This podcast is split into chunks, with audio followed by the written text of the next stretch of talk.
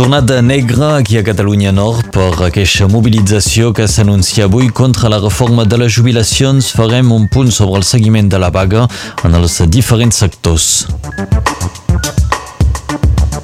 Tornarem també sobre la sessió d'ahir al Consell Departamental que va votar els pressupostos, uns pressupostos que ens presentarà el conseller departamental Robert Garabé. La justícia belga ha decidit ajornar fins al 3 de febrer la seva decisió sobre l'extradició de Carles Puigdemont, Toni Comín i Lluís Puig.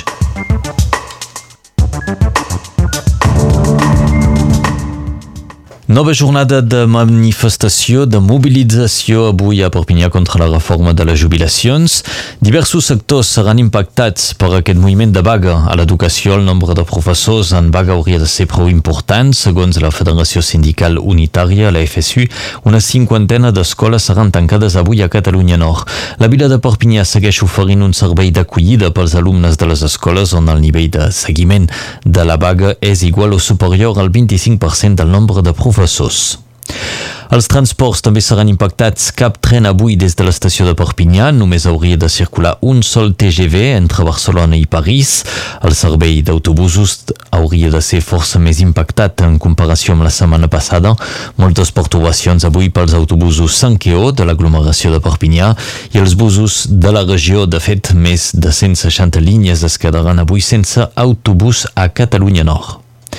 Els sindicats han convocat una manifestació aquell matí al centre de Perpinyà. És prevista a les 10 i mitja des de plaça Catalunya. Aquest cop els manifestants passaran pel traçat que considerem habitual, és a dir, pels principals boulevards de Perpinyà per acabar al Castellet. La circulació pel centre Vila s'anuncia doncs complicat aquell matí.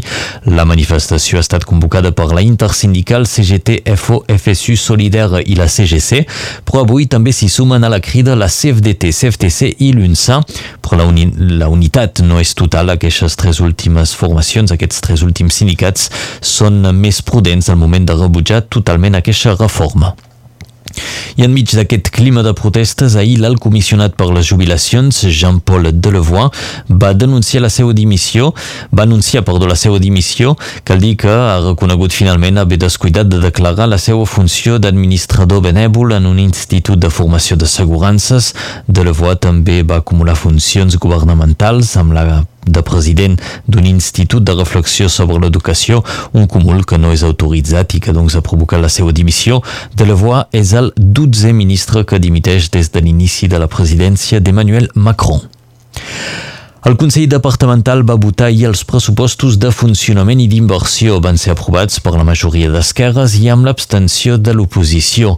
Un, uh, pres, uns pressupostos que nos presenta avui Robert Garabé, és conseller departamental encarregat d'Economia, al micro de la Laura Bertran. És un pressupost molt important, més de 700 milions d'euros, 136 milions per l'investissement i més o menys 600 milions per al funcionament de l'institució. Eh, són xifres eh, importants i l'inversió eh, precisament augmenta d'un 50% en relació amb 2019. Són xifres molt importants, 50% de més d'investissement és la fruita eh, d'una voluntat, d'una voluntat política de contribuir al desenvolupament econòmic del nostre territori. Es va discutir ja la, la vegada d'abans, però per vos quin és el punt que s'ha més de, de focalitzar? De, de què sou més content d'aquest pressupost? Bé, som content d'aquest pressupost perquè, eh, bueno, amb un investissement tan important, no destabilitzem el pressupost de, de l'any 2020. Ni, no tindrem una augmentació de,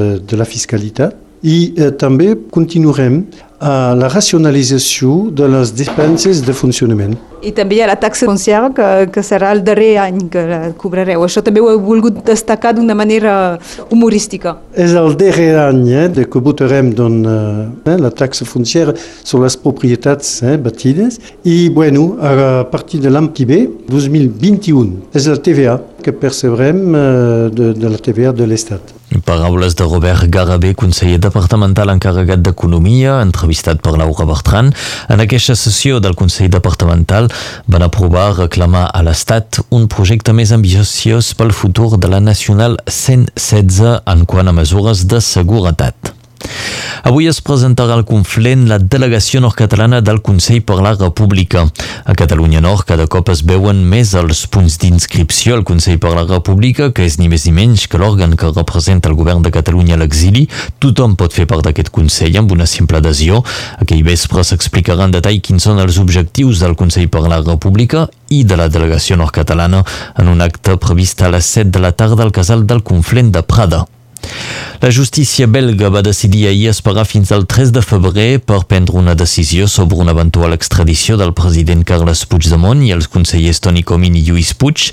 Tots tres van compareixer ahir davant de la justícia belga i els seus advocats van demanar que s'aturi el procés d'extradició fins que el Tribunal de Justícia de la Unió Europea es pronunciï sobre la immunitat de Junqueras aquest dijous, decisió que pot afectar el president i els dos consellers exiliats. A Salelles ja fa més d'un mes que desenes de caravanes es van instal·lar a l'espai públic sense cap autorització, una situació insuportable pel Batlle que ha decidit portar la prefectura davant de la justícia per denunciar la inacció de les forces de l'ordre davant d'aquesta situació.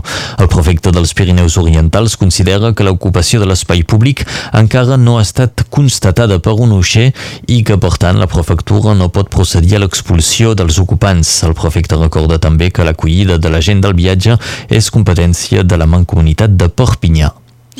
A la Cerdanya, una operació conjunta de les duanes de la Guingueta i Portà i la Guàrdia Civil Espanyola va permetre arrestar diversos traficants de tabac. Les duanes, els duaners francesos, van descobrir un total de 864 cartrons de cigarrets vinguts d'Andorra i 160 cartrons per la Guàrdia Civil.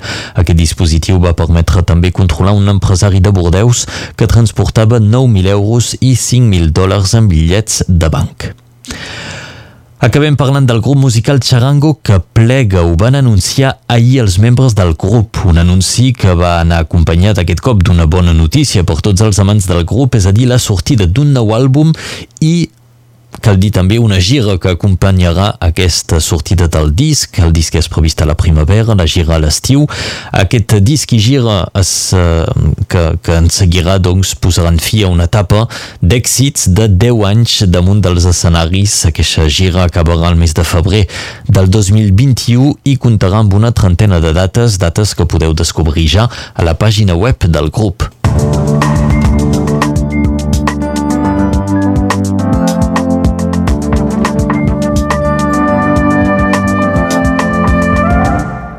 Fins aquí la informació general del dia. Passem al temps, la meteo que nos presenta la Laura Bertran.